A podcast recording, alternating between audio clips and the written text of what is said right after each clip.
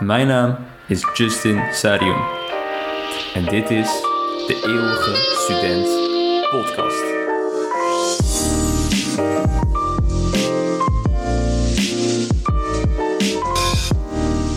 In deze podcast bespreek ik onderwerpen zoals mindset, gezondheid en persoonlijke ontwikkeling. Want zoals een echte eeuwige student zou zeggen, je bent immers nooit uitgeleerd.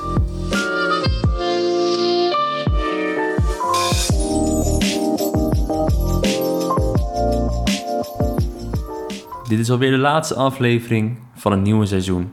En ik hoop dat je tot nu toe genoten hebt van de verschillende onderwerpen die zijn besproken. Maar speciaal omdat dit de laatste aflevering is, bespreken we nu vijf boeken in tijden van corona. En hiervoor heb ik ook speciaal een gast meegenomen, mijn eigen broer Anthony Sarioen. Met hem ga ik vijf boeken bespreken die in tijden van corona hulp kunnen bieden. Want het is natuurlijk alweer een jaar geleden en misschien ben je al helemaal gewend aan geraakt. Maar het kan ook zomaar zijn dat het best wel lastig is. Dat juist nu de werkelijkheid inkikt dat dit misschien nog wel langer zo door blijft gaan. Dat je langer inderdaad belemmeringen zult ondervinden door de lockdown en de regels. En het is ook simpelweg best lastig, want fysiek hebben we beperkingen. We mogen niet meer sporten bijvoorbeeld, we kunnen niet meer naar alle plekken waar we voorheen gingen. Dus we hebben fysieke beperkingen en dat leidt vaak tot ook mentale beperkingen en eventueel depressieve gedachten of zelfs depressies. Wat we steeds vaker zien, zelfs onder jongeren. Maar dan is het soms goed om te realiseren dat we mentaal eigenlijk nog steeds vrij zijn. De vraag is, hoe prikkel je die vrijheid nu wanneer in je omgeving heel veel beperkingen zijn? Nou, dat kan door middel van het lezen van boeken. En dit kunnen we ook weer zien bij mensen die echt vast hebben gezeten, die echt fysieke beperkingen hadden, zoals mensen die in de gevangenis zaten. En voorbeelden hiervan zijn bijvoorbeeld een Malcolm X en Nelson Mandela, die beide een langere periode, een langer dan de ander, in een gevangenis hebben gezeten, maar desondanks bleef ze alsnog lezen. Want de boeken lezen gaf ze hoop, nieuwe ideeën inderdaad, en ze werden vrij, ze werden weer geprikkeld, waardoor ze eigenlijk nooit echt in een hele diepe depressie kwamen waar ze niet uit konden komen. Tuurlijk hebben die twee mensen natuurlijk ook wel lastige periodes gehad. Het gevangenisleven is waarschijnlijk geen pretje. Maar door het lezen van boeken kwamen ze tot nieuwe inzichten, konden ze nieuwe landen verkennen in hun gedachten, in de boeken, nieuwe verhalen horen, nieuwe filosofieën. En dat heeft uiteindelijk gemaakt tot de man die ze waren en waarom ze nu nog steeds de namen kennen van een Malcolm X en een Nelson Mandela. Dus corona is inderdaad ja, een lockdown, fysiek, maar mentaal hoeven we niet per se opgesloten te vinden. Boeken kunnen ons een uitkomst geven. En helemaal als je kijkt naar een mooie quote van Mark Twain: People who do not read have no advantage over people who cannot read.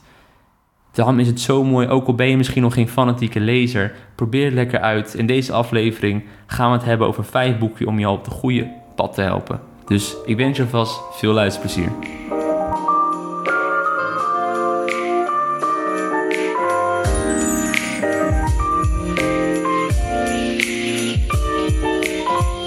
Hey Anthony, super bedankt dat je tijd hebt genomen en een lijst hebt gemaakt voor de luisteraars. Vijf boeken in tijden van corona. En eerst wil ik jou vragen, hoe ben jij eigenlijk begonnen met het uh, lezen van boeken? Ja, hoe ben ik begonnen met het lezen van boeken? Verplicht. Ja? Ja, ja. de basisschool uh, begin je hè, met uh, het lezen van boeken. Ja. Ik maar Roos Vis. ja, dat is zeker waar. Maar ik bedoel aan te geven, je was nooit een echte fanatieke lezer als jonge jongen? Uh, nee, dat valt, dat valt wel mee. Zo nu en dan uh, las ik wel eens wat, uh, wat boeken die me aanspraken. Uh, wat voetbalboeken, wat snelle jelle boeken. Um, wat boeken van Carrie Slee. Ja. Um, dat zijn de classics toch wel. Maar niet echt, ik zou mezelf niet echt omschrijven als een boekenworm. nee. Nee. Wat heeft dan precies die switch gemaakt op een gegeven moment? Dat je wel inderdaad in die boeken ging verdiepen? Um, ik denk ergens uh, rond, mijn, uh, rond mijn twintigste, uh, ja, dat je toch in een bepaalde levensfase komt, dat je gaat nadenken over de toekomst. Wat wil ik in het leven? Um, ja, hoe kan ik mezelf verbeteren? Um, ja, waar wil ik naartoe? en zodoende toch ja, op zoek naar verbeterpunten. Hoe kan ik steeds mijn leven verbeteren? En nou ja, dan, zo kwam ik uiteindelijk op uh, een van de eerste self-help boeken, Think and Grow Rich. En dan is het begin van een rabbit hole om eh, ja, uiteindelijk eh, meerdere boeken te lezen in dat soort categorieën. En toen kwam ik er eigenlijk wel achter dat er zoveel ehm, ja, wijsheden in staan ehm, en je het wiel niet opnieuw hoeft uit te vinden. Eh, we leven al zo lang op deze planeet, er zijn zoveel mensen voor ons geweest. Waarom zou je alles opnieuw willen uitvinden? En je leert van falen van jezelf, maar je leert ook van het falen van andere mensen. En eh, nou, dat vond ik heel erg ja, tof om te zien. Dat je veel kan leren van je eigen ervaringen, maar misschien nog wel meer van andere ervaringen. Ja. Ja, super tof inderdaad. Jij bent natuurlijk ook de reden geweest waarom ik boeken ben gaan lezen en uiteindelijk deze podcast ben begonnen. Dus daarom ben jij natuurlijk de perfecte persoon om eh, deze aflevering mee te doen. Nou, ik voel me vereerd. Nou, dat is mooi inderdaad. Hey, inderdaad, wat nog wel eh, interessant is inderdaad. Jij hebt natuurlijk wel eh, een lijst gemaakt al met eh je top 5 boeken van 2020. En Ja. deze aflevering gaat nog specifiek over boeken in tijden van corona die kracht bieden, hulp bieden aan mensen. Hoe heb jij dat ervaren? Hoe hebben boeken jou tot nu toe eh, geholpen in moeilijke tijden die je misschien zelf hebt ervaren? Heel erg. Ehm, ja, een aantal boeken die heb ik in ieder geval geselecteerd voor deze aflevering. Ja, Ehm, sowieso eh, de ultieme manier van tijdverdrijf. Ehm, je hebt denk ik heel veel meer tijd in deze fase van het leven nu met corona dan eh, hiervoor. ja. Zijn we allemaal druk, dus je ziet het steeds wel meer om je heen dat mensen meer boeken gaan lezen. Ehm, ja, zodoende heb ik daar ook meer tijd voor en eh, ja, geeft het me ook gewoon veel stof tot nadenken. En ja, je maakt niet zo heel veel mee meer in het leven altijd. Heel veel is dicht, je kan niet zoveel dingen meer doen, je kan niet overal naartoe. En eh, soms kan je door een boek een hele, ja, hele nieuwe ervaring krijgen of een eh, ja, nieuwe gedachtegang inslaan die je anderzijds weer krijgt als je ja, nieuwe mensen ontmoet. Dus je hoeft ook weer niet altijd nieuwe mensen te ontmoeten om eh, op nieuwe gedachten te komen door boeken. Dat is een mooie inderdaad. Hey, jij bent op je 20 ongeveer begonnen en op hoeveel staat de teller nu ongeveer? 27 ben ik nu. Hoeveel boeken? Eh, volgens Goodreads eh 152. eh, boeken nu. 152. Ja. Ja. dat vind ik ook de perfecte kandidaat eh, daarvoor. Omdat vaak hebben mensen toch nog wel het idee van je moet ermee. Ja, je moet als kind al een boekenworm zijn, anders Mhm. ga je nooit meer eh, kunnen worden. ja. Maar ook mooi te zien uit jouw ervaring en mijn ervaring. En zelfs eh, de wetenschap heeft het laten zien dat op volwassen leeftijd er nog zoveel voordelen zijn Zeker. aan het lezen. En dat het altijd echt nooit te laat bent om te leren. Dus ja, dat gezegd te hebben, laten we gewoon lekker in die top 5 beginnen. Wat is het eerste boek wat je met ons wilt delen? Het eerste boek heb ik gekozen. Kijk eens. Man's Search for Meaning. Ja, ja. Victor Frankl. Die heb je zelf ook gelezen? Ik heb hem zelf ook gelezen. Ja, Heel dat mooi. is uh, ja, Victor Frankl. ehm, een van de weinige uh, overlevenden van de Holocaust. Uh, hij, heeft in, hij heeft Auschwitz overleefd. En in zijn boek beschrijft hij eigenlijk zijn ervaringen. Het eerste deel van het boek gaat over zijn periode in Auschwitz. Hoe dat was, hoe het lijden daar was. Hoe uh, mensen omgingen met die barre omstandigheden. Uh, ja, weinig perspectief. Mm-hmm. En het tweede deel gaat eigenlijk over uh, ja, logotherapie. Um, waarin hij eigenlijk zijn therapie verder uitlegt en uitwerkt. Uh, dus voornamelijk het eerste boek vond ik erg... Of tenminste het eerste deel van het boek is heel, heel tof. Nou ja, tof is misschien niet het goede woord. Uh, maar wat ik eruit haal, dat was ja. wel ja, toch wel heel, heel gaaf. En ja, het gaat er voornamelijk over wat het met mensen doet dat ze een doel hebben of ergens waar ze aan vasthouden. En je kan je voorstellen als je inderdaad wordt weggerukt van je familie, heel je familie wordt uit elkaar gehaald en jij wordt in de concentratiekamp gestopt. Wat dat doet met, jou, uh, ja, met jouw welzijn als mens en ook hoe jij de toekomst ziet. En uh, ja, hoe belangrijk het dan is om een doel te hebben in je leven of een meaning te hebben. Dus ergens waar je aan kan vasthouden. En hij geeft ook, een van, uh, hij geeft ook eigenlijk een voorbeeld dat de meeste mensen in het concentratiekamp doodgingen uh, tussen de periode kerst en oud en nieuw. Ja. En uh, naar zijn mening kwam dat niet doordat mensen minder eten kregen of dat de weersomstandigheden verslechterden, want die waren al slecht in de winter. Maar dat dat puur kwam doordat iedereen het jaar inging of iedereen kwam het kamp in met de gedachte: met kerst ben ik weer thuis. Ja. Met kerst zit ik weer aan tafel met mijn familie, zie ik mijn vrienden en familie weer. Met kerst komt het weer goed. Kerst is echt zo'n moment waarin je samen met familie bent. En na kerst hadden mensen, kwam het besef dat dit niet het geval zou zijn, dat ze niet vrij zouden komen. En gingen de meeste mensen dood. En eigenlijk omdat hun hele, hele doel en hun hele idee van het thuis zijn met kerst weggevallen was, Ja. begaf hun, mentaal, ja, hun mentale weerbaarheid, begaf het. En daardoor ook hun lichaam. Er was eigenlijk geen doel voor hun meer om ehm, al die barre omstandigheden te overleven. Het, het fysieke werk, de kou, weinig eten. Ehm, ja, dat konden ze gewoon niet meer weerstaan omdat ze de hoop hadden opgegeven, om het zo maar even te zeggen. Ja. En zo zie je ook hoeveel een mens kan doorstaan als die eenmaal een sterke wil heeft om iets te overleven. Uh, dus dat vond ik super krachtig aan dit boek. En uh, nou is dit totaal niet te vergelijken, deze, peri deze periode van corona, totaal niet te vergelijken met het leven in een uh, concentratiekamp. Nee. maar ik vond het wel een hele um, ja, mooie, mooie koppeling um, met het feit dat je ziet dat mensen nu ook eigenlijk in een mindere mate ook een soort van geen echte doel meer hebben om te leven. Ik hoor van veel mensen om me heen, ja, het leven staat een beetje op pauze. Of als corona voorbij is, dan ga ik weer dit doen. Of dan ga ik dat doen. Dus heel veel plannen worden allemaal gemaakt na corona. Dat is natuurlijk wel, wel logisch. Uh, maar je ziet ook wel ja, wat voor effect dat om je heen heeft. Ja. ja, zeker waar. Ik moet ook zeggen, vooral wat je laatste wat je zei, dat uh, zie ik denk ik iedereen wel om zich heen. Dat het vaak, of het nu e-, allemaal niet telt. Dat het nu op pauze staat, terwijl tijd gaat nog steeds door en er zijn zoveel mogelijkheden, ondanks uh, de belemmeringen natuurlijk. Mm -hmm. Dat is super interessant. En dat is dan, wat je net uitlegt over het doel, dat is dan ook precies logotherapie, als ik het goed begrijp. Ja, ja dat is inderdaad... Uh, ik ben niet gespecialiseerd hierin, dus ik, uh, ik kan nee. moeilijk zeggen of dit echt de kern is van logotherapie. Maar dat geeft, dit geeft inderdaad wel de hoofdlijnen in uh, weer van, van logotherapie. zodra, zolang je... Eigenlijk is elke mate van ongeluk of... of komt, komt eigenlijk doordat je niet eigenlijk in lijn ligt met... of dat je of geen meaning hebt, dat je eigenlijk geen doel in het leven hebt... of dat het niet duidelijk is voor jou wat het doel is in het leven. Ja.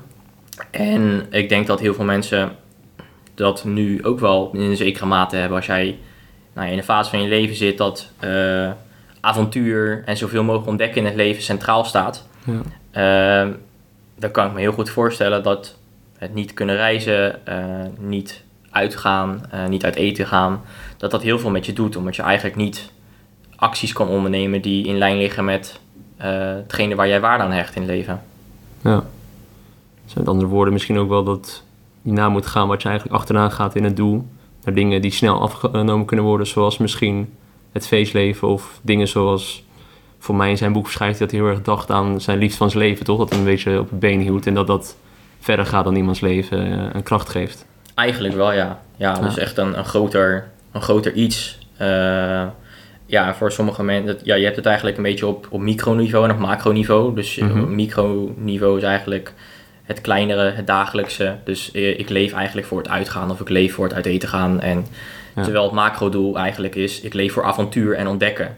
Mm -hmm. uh, dus je kan eigenlijk nog steeds je macrodoel achterna gaan.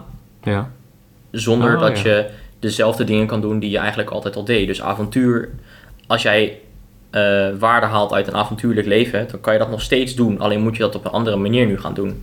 Uh, dus ik denk dat dat best wel waardevol is uit dit boek. Uh, ja, hoe dat daar eigenlijk om gaat, ja. Ja, tof inderdaad. Ja, ik denk ook vooral dat deze, of dit boek heel makkelijk te lezen is, aangezien het ook wel lekker een uh, kort boekje is. En, het is een dun boekje, ja. En het is op zich, vooral het eerste gedeelte, nou, inderdaad, het woord leuk is misschien niet goed, maar het is mm -hmm. zo schokkerend dat je ook snel doorheen gaat. Ja. En uh, ik denk dat voor mij ook Nietzsche's quote er telkens in terugkomt, wat je net zei. In het, wat was hij ook alweer? He who has a, a why can bear anyhow. Ja. Dus dat zeker. is wel, denk ik, mooi samengevat, dit boek. He who has a why to live for can bear almost anyhow. Ja, ja en inderdaad, als je de holocaust en uh, Auschwitz soort van kan overleven, dan is dat, dat wel werkelijk wel het perfecte voorbeeld uh, daarvoor. Ja. Hey, super tof. Dan ben ik benieuwd naar het tweede boek, nummer 2. Wat heb je voor ons? Nummer 2, ja. Uh, dit is niet in volgorde, dus ik uh, pak gewoon random. Ja, tuurlijk. Zal je misschien verbazen? Ja, maar inderdaad. 1984. George Orwell. George Orwell. Een andere, wel een klassieker weer, maar ik ben heel benieuwd waarom. Uh... Ja, ik had hem al een tijdje liggen eigenlijk op de plank. En uh, lang niet gelezen. Uh, of tenminste niet aan begonnen. en ja, nu heb je wat meer tijd om boeken te lezen ja. die je normaal gesproken misschien niet zou lezen. Um, ja, zoals je al zei, het is een klassieker. Maar ook in deze tijd vind ik het toch wel een hele interessante. omdat het heel erg gaat over een controlerende staat. Een, uh, een, staat die alles in de gaten houdt, die uh, de hele bevolking beheerst. En nou wil ik totaal niet insinueren dat dit nu het geval is.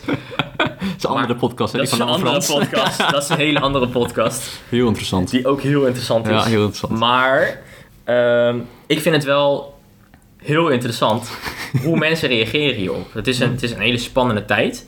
En uh, ja, er zijn natuurlijk allemaal gedachtegangen van uh, wel vaccineren, niet vaccineren, dat is goed, dat is niet goed, avondklok is slecht, dit is niet goed, we worden gecontroleerd. Nou, er zijn heel veel meningen over en heel veel geluiden van iedereen. Ja. Um, en daarom vond ik dit ook wel een hele leuke, ja, een leuk boek daarover, uh, over het doemscenario eigenlijk. Uh, nou ja, zoals je misschien wel weet, mijn uh, guilty pleasure was Utopia. Ja. ja, dit is het totaal tegenovergestelde een dystopia. En op zich vind ik dystopia en boeken altijd wel interessant. En uh, ja, dit is eigenlijk wel... Hierin, dit boek is, is ja, in ergens in begin 1900 geschreven. Ja. En uh, het, het schrijft dan over het jaar 1984, wat dan in de toekomst is. En daarin worden eigenlijk dan ja, een doemscenario geschetst. Maar er zijn een aantal dingen die je ook best wel kan vergelijken met hoe het nu zou gaan. En het geeft best wel veel stof tot nadenken over hoe zou een wereld eruit zien waarin uh, een overheid of een staat uh, de, de mensen beheerst, controleert met wie je omgaat, met wie je trouwt, wat je denkt, wat je kijkt, wat je opschrijft. Ja. Alles wordt door de staat gecontroleerd en alles wordt beïnvloed. En het vrije denken uh, wordt verboden. Ja.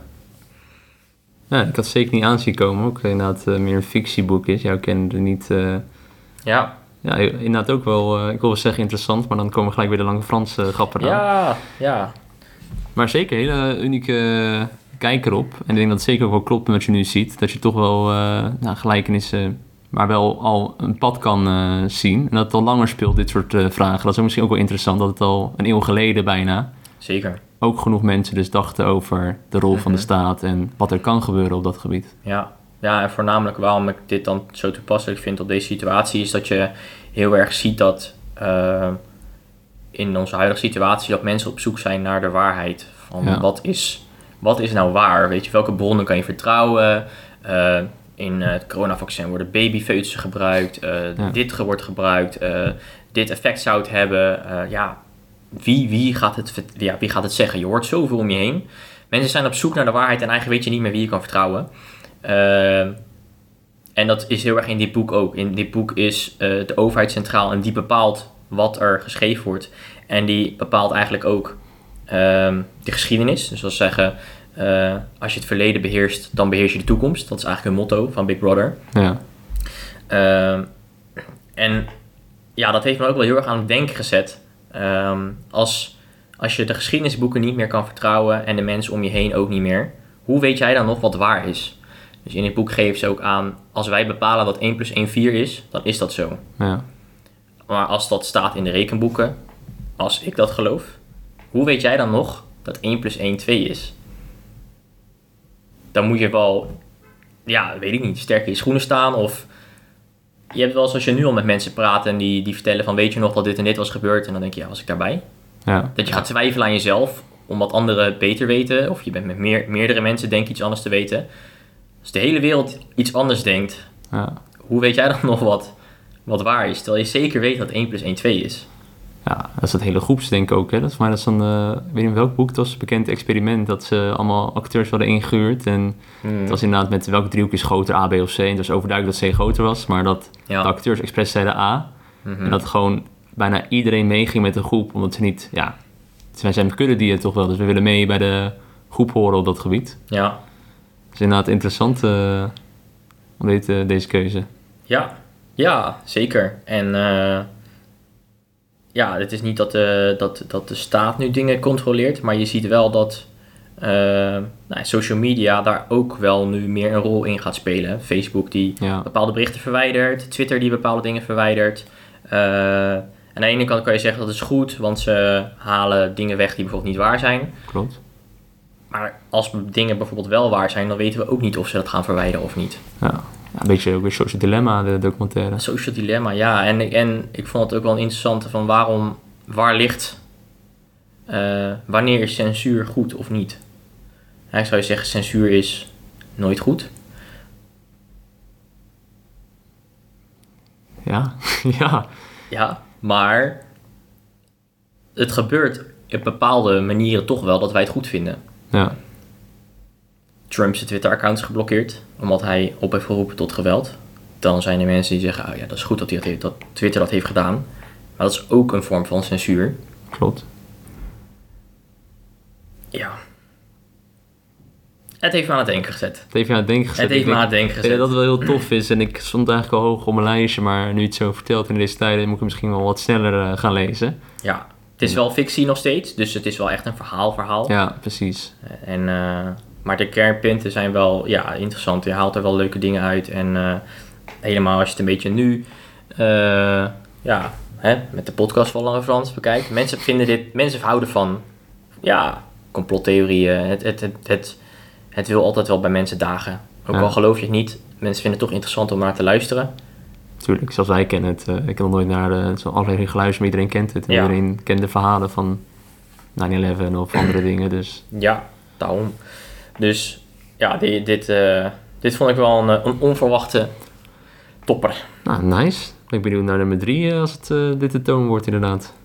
Nou, nummer drie. Ja, jij noemde net al eh, Malcolm X en eh, Nelson Mandela. The Sun, The Shine. The Sun Does Shine van mijn naamgenoot, Anthony Ray Hinton. Oké, de achterkant staat ook, Nelson Mandela heeft 27 jaar in de gevangenis gezeten. Anthony heeft 30 jaar 30 jaar. death row vastgezeten, onterecht. Oké, wauw, vertel eens een beetje over het verhaal. Want Nelson Mandela, daar kennen veel mensen het verhaal van. Maar wie is deze andere Anthony? eh? Eh, Anthony Ray Hinton eh, is een man uit Amerika, een Afro-Amerikaanse man, die in, zijn tuin van, of in de tuin van zijn moeder stond te tuinieren. En onverwachts kwamen er politieagenten op, ja, op de stoep. En eh, die hebben hem meegenomen, omdat er eh, in, de, in de buurt een, eh, een witte vrouw was vermoord. Volgens mij, ik weet niet of ze ook verkracht was daarvoor, maar in ieder geval, er was een misdrijf. ja? En er was een dader nodig en ehm, hij is gepakt. Hij is in de gevangenis gestopt en hij is nooit meer vrij, of hij is 30 jaar lang niet meer vrijgekomen. En ehm, nou, er is, ehm, hij komt ook deels voor in, het, in de film Just Mercy met Oh, Jamie ja. Foxx en Michael B. Jordan. Michael B. Jordan.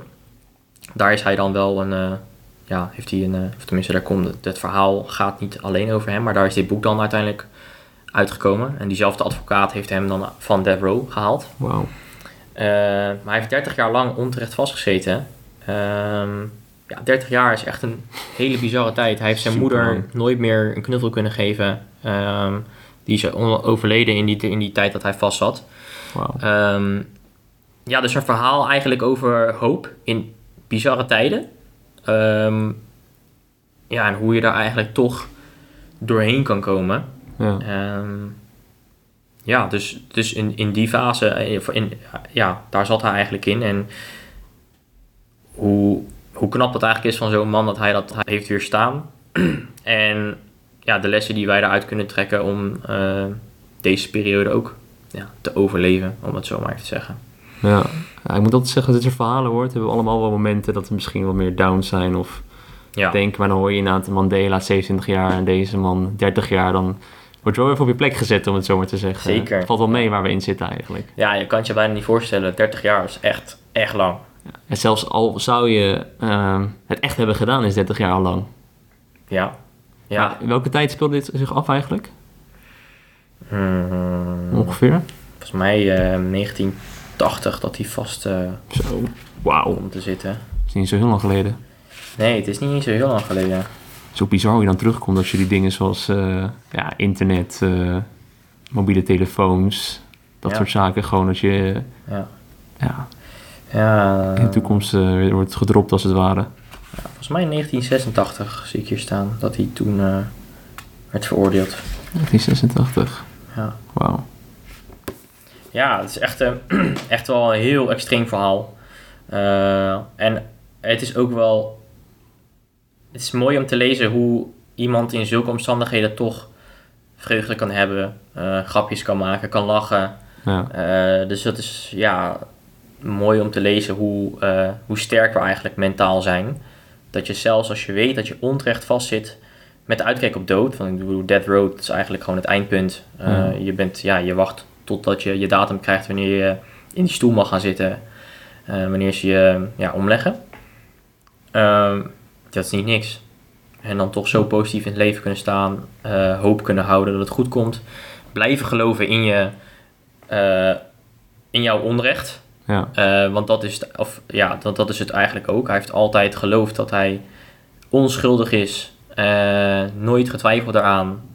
Alhoewel toegeven soms makkelijker kan zijn. Doordat je dan strafvermindering krijgt. Of eh, ja, het, het, het rust, om het zo maar even te zeggen. Dus iedereen zegt dat je schuldig bent en je hebt het gedaan. En het ook eigenlijk niet uitmaakt. Want ja, er zijn omstandigheden waardoor iedereen denkt dat je het gedaan hebt ja.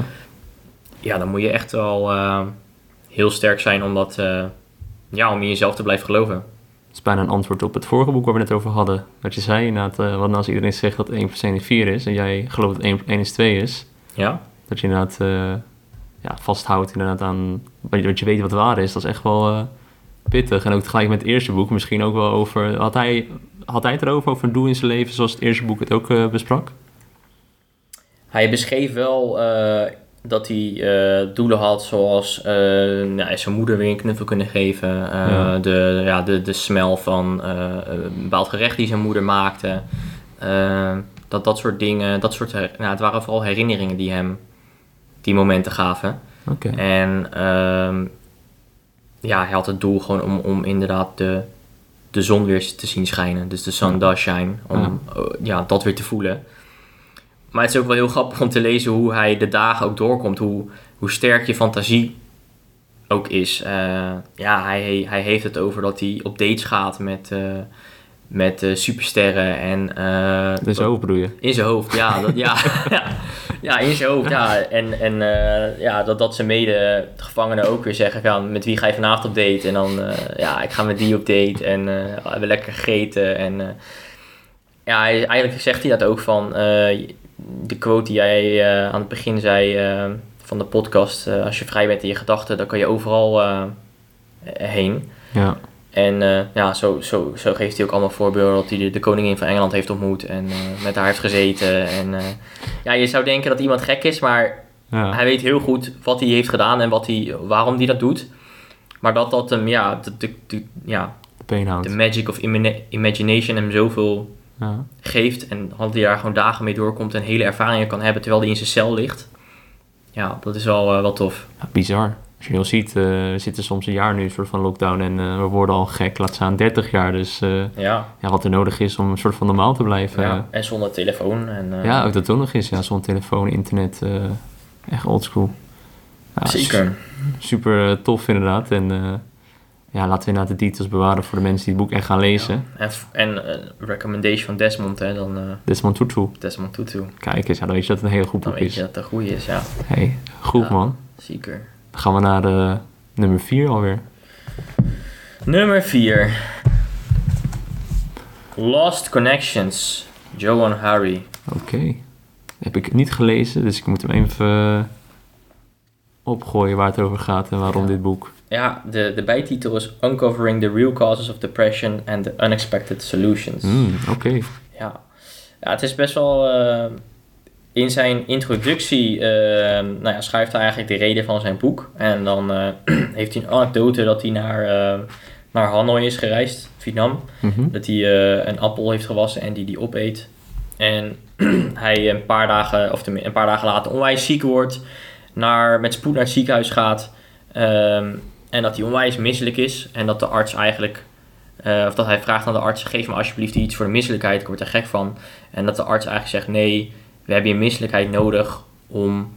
ehm, het, is een, het is een boodschap. We hebben het nodig om te weten wat er mis is en eh, dat er iets mis met je is. Dus we moeten luisteren naar die misselijkheid juist. En dat is eigenlijk de, ja, de hele boodschap van dit boek. Uiteindelijk blijkt dat hij nierfalen had, omdat ze blijkbaar zoveel pesticiden gebruiken voor appels dat eh, een appelwasser niet genoeg is, maar je moet gewoon heel het schil weghalen. En dat wist hij niet. Dus toen ze erachter kwamen dat hij een appel had gegeten, moesten ze allemaal lachen. Ehm, maar dat is eigenlijk ook wel waar het hele boek om gaat. eh, is dat wij wel heel erg geneigd zijn om eh, ongemakkelijke gevoelens te verdoven met nou, social media, tv, noem het op. Alles wat ja, fastfood, alles wat mogelijk een verdoving zou kunnen zijn. Ja. Maar dat het juist ja, toegeven aan het gevoel juist wel kan vertellen wat er mis met ons is of waar we behoefte aan hebben. Ehm, ja, dus het gaat in ieder geval wat dieper op in op wat je eraan kan doen. En eh, los even van eh, depressieve medicatie. Eh, maar vooral ja, dat het je tools kan geven waar je behoefte aan hebt en waar je op dit moment niet gelukkig over bent. Ja. En nou, vooral in deze periode denk ik dat er heel veel dingen wegvallen waar je je geluk uit haalt. Ja. Ehm, ja, waardoor misschien sommige dingen toch beter blootgelegd worden. Dat je heel veel eh, lol haalde uit het zijn met je vrienden, uit het sporten, eh, reizen. En dat het eigenlijk wel ja, een wat dieper probleem verbloemde. Bijvoorbeeld een slechte relatie of je bent niet gelukkig met je werk. En nu die, die dingen wegvallen, Ja. dat je eigenlijk een beetje terug wordt getrokken naar de root cause. Ja, ik ben nu niet gelukkig. Maar komt dat dan doordat ik al die dingen niet meer kan doen? Of komt dat eigenlijk door andere dingen waar ik nu mee moet dealen? Ja. En dan kan je geneigd zijn om nou, te gaan binge-watchen, om lekker te gaan PlayStation of andere dingen te doen die nou, afleiding geven, zodat je er niet te veel aan hoeft na te denken. Ehm, maar je kan er ook ja, naar luisteren of kijken waar je behoefte aan hebt of waar je eigenlijk niet meer connected bent met hetgeen waar jij gelukkig van wordt. Dat wordt ik bedoel met weer die lost connections, weer connecties maken daarmee. Connecties maken inderdaad, ja. Connecties maken met, eh, met jezelf, met anderen, met je waardes. Eh, daar gaat het boek eigenlijk over. Het, zijn, eh, het is opgebouwd uit zeven pillars. Van hoe je weer zeven pillars van lost connections, maar ook weer zeven pillars tot connecten. Oké. En is dat iets... Ik vraag me af, want inderdaad wat je zegt, door al die afleidingen hebben we misschien een hele lange tijd niet meer die connecties gehad. Is dat ook dan een proces waar je dan eerst in moet gaan en jezelf echt aan moet overgeven? Ja, Trainen? ja zeker. Ik denk eh, dat je niet eh 1, 2, 3 je probleem opgelost hebt. Nee. Eh, ik denk het erachter komen waar, je, waar het aan ligt eh, ook nog een uitdaging kan zijn. Dat is ook een beetje de situatie die hij schetst. Hij heeft, hij, nou ja, hij wordt ziek, hij heeft van alles. Hij moet overgeven, hij heeft diarree, hij heeft koorts. Er gebeurt van alles met hem. En dan wordt er onderzocht wat hij nou precies heeft. Ja. En het luisteren naar die signalen gaan uiteindelijk terug naar één oorzaak. Dus wat hij heeft gegeten op dat moment. En dat hij daardoor nierfalen heeft. eh, en extreem uitgedroogd is. Dus zo is dat eigenlijk een beetje de, ja, de anekdote die eh, ja, de, de scène schetst voor het weer vinden. Of, het, of de, oorzaak van lost connections en ook weer het vinden van die connecties. Dus het zal uiteindelijk niet eh, nou, de dag daarna opgelost zijn. Nee.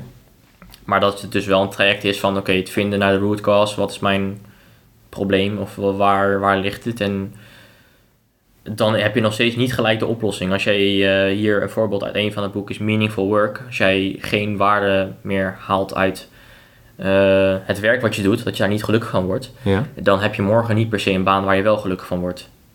Het is nog steeds zoeken waar je dan wel gelukkig van wordt. Of dat kan nog steeds een proces zijn. Eh, het, het, het kan al een hele stap vooruit zijn om nou ja, te stoppen waar je zit, omdat je daar echt ongelukkig van wordt. Mhm. Dat zou al voldoende kunnen zijn.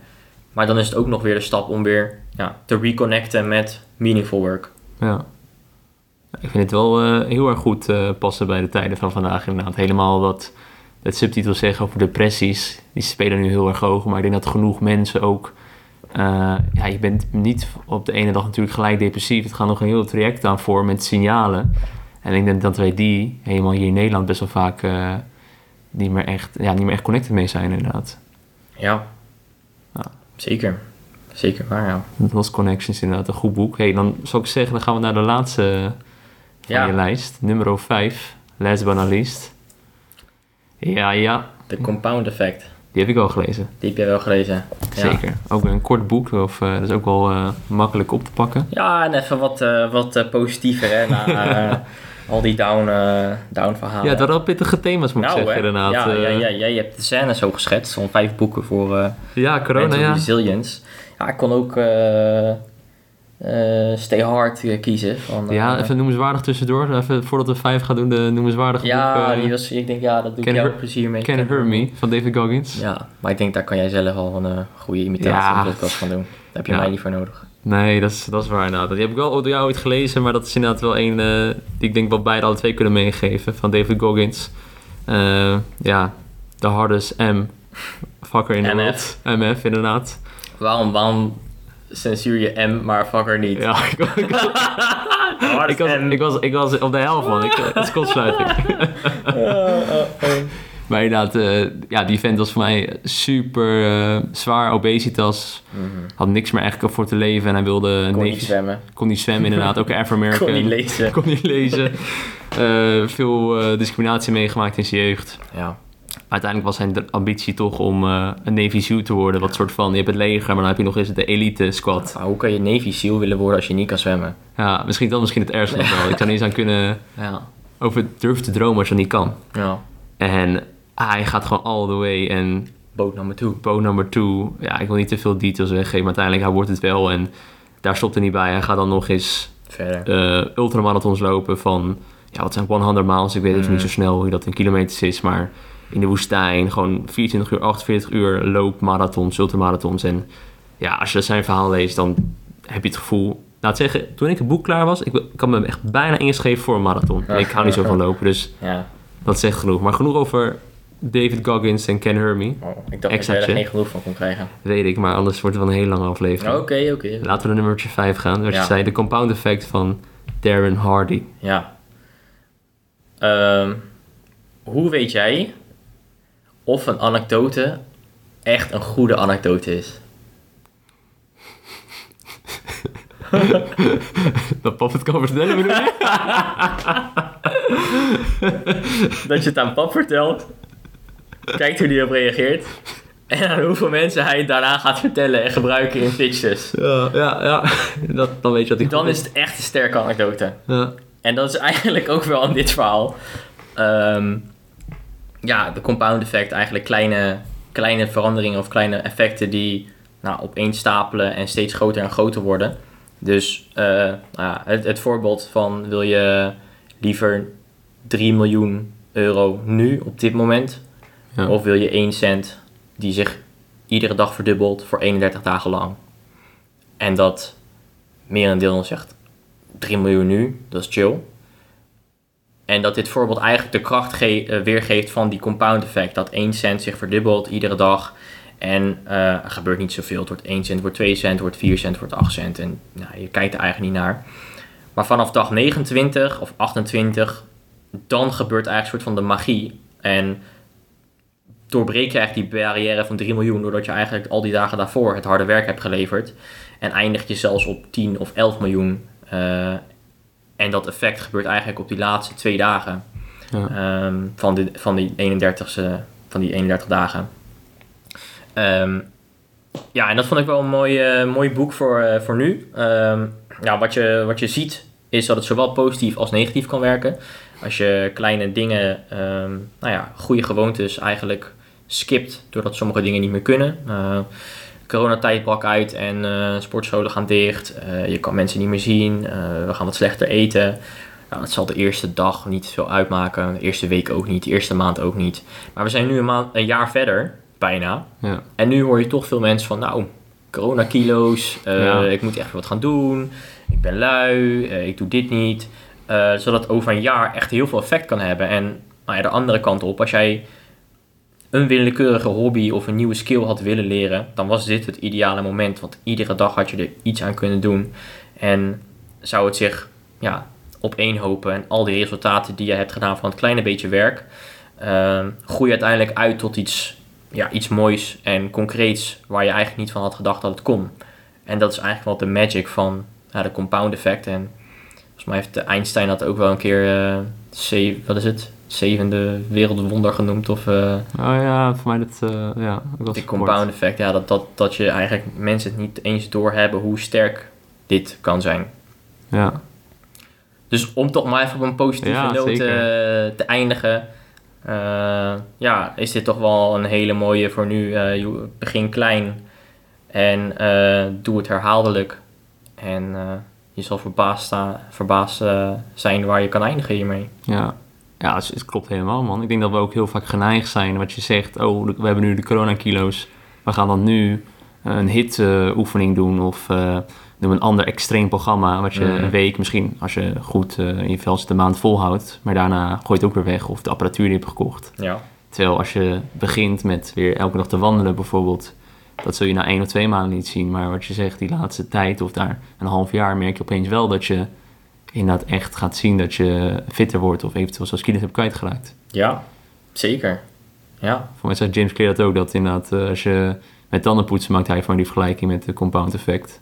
Dat eh, ja, één keer niet tandenpoetsen of als je niet tandenpoetst, één keer wel tandenpoetsen heeft geen effect. Maar Mm, het gaat erom dat je elke dag, twee keer per dag tanden poetst. ja. Daardoor is je tandarts blij met je. Mhm. En dat is misschien wel een mooi, mooi voorbeeld met hele kleine dingen op dagelijkse basis doen. Om uiteindelijk ja, Ja. te profiteren ervan. ja, ik twijfelde eigenlijk inderdaad tussen die twee, Atomic Habits of de Compound Oh Effect. ja. Dus ik vind allebei, ja, dat zijn ze gewoon heel goed. eh, over hoe je inderdaad eh, ja, die, die, die gewoontes kan inbakken en hoe je die in je leven toepast. En eh, deze is dan vooral over de compound effect, vooral over hoe, ja, hoe sterk het is om dat te doen. En Atomic Habits geeft wat meer handvatten om dat echt toe te passen in je leven. ja. Nog extra bonus eigenlijk. Eigenlijk nog Atomic Habits. James Ja. Clear, aanrader. Zeker. Ik zit, terwijl ik het zei, dit zat ik ook te denken, dus ik nou bijna Atomic Habits nou te zeggen of Compound Effect, omdat het zo, Op elkaar lijken. ja, dat inderdaad Compound Effect, eh, het boek zelf dan echt, ja, het mechaniek uitwerkt als het ware en Atomic Habits dan, hoe kan je het toepassen Ja. met fruit eten en eh hardlopen of zo. Mhm. Nou, super tof. Nou, ook chill dat je eigenlijk gewoon een positief eh, boek bent geëindigd, om het zo maar te zeggen. Dat we toch, ondanks de andere topics die we hebben gehoord, dat er hoop valt te halen uit het eh, The Sun Shine inderdaad. Uit verhalen van de holocaust. En dat we ook zelfs op kleine schaal onszelf kunnen aanpassen met het compound effect. Zeker weten. Hij was mijn allereerste gast van deze podcast. Wat vond je ervan tot nu toe? Ja, gezellig man. Ja, gezellig. Ja. Smaakt naar meer? Het smaakt zeker naar meer. Smaakt naar meer. Nou, supergoed. Anthony, super bedankt eh, voor het delen met je boeken. En voor jullie hopelijk hebben jullie nog eh, veel adviezen gehoord, inspiraties voor toekomstige boeken. Eh, ze zullen ook in de reacties staan, dus kan je nog even goed en rustig doorlezen inderdaad wat de titels zijn en wat de schrijvers nou precies zijn. En mocht je zelf nou denken, ik weet ook nog wel hele goede boeken in tijden van corona, deel het vooral op de social media accounts van de Eeuwstudent podcast. Anthony, nogmaals bedankt. Dit is alweer het einde van de aflevering. Ik wil je hartstikke bedanken dat je de tijd hebt genomen om naar deze aflevering van de podcast te luisteren. Vond je dit nou een leuke aflevering? Laat het me weten door een reactie te plaatsen op welke streamingdienst je ook deze podcast beluistert. Daar help je niet alleen mij mee, maar ook andere toekomstige podcastluisteraars. En wil je meer weten? Volg de podcast dan op social media: Facebook, YouTube en Instagram. Gewoon onder de naam De Eeuwig Student Podcast. Hierop zul je leuke filmpjes zien, boekaanbevelingen en nog veel meer. Nogmaals bedankt en tot de volgende keer.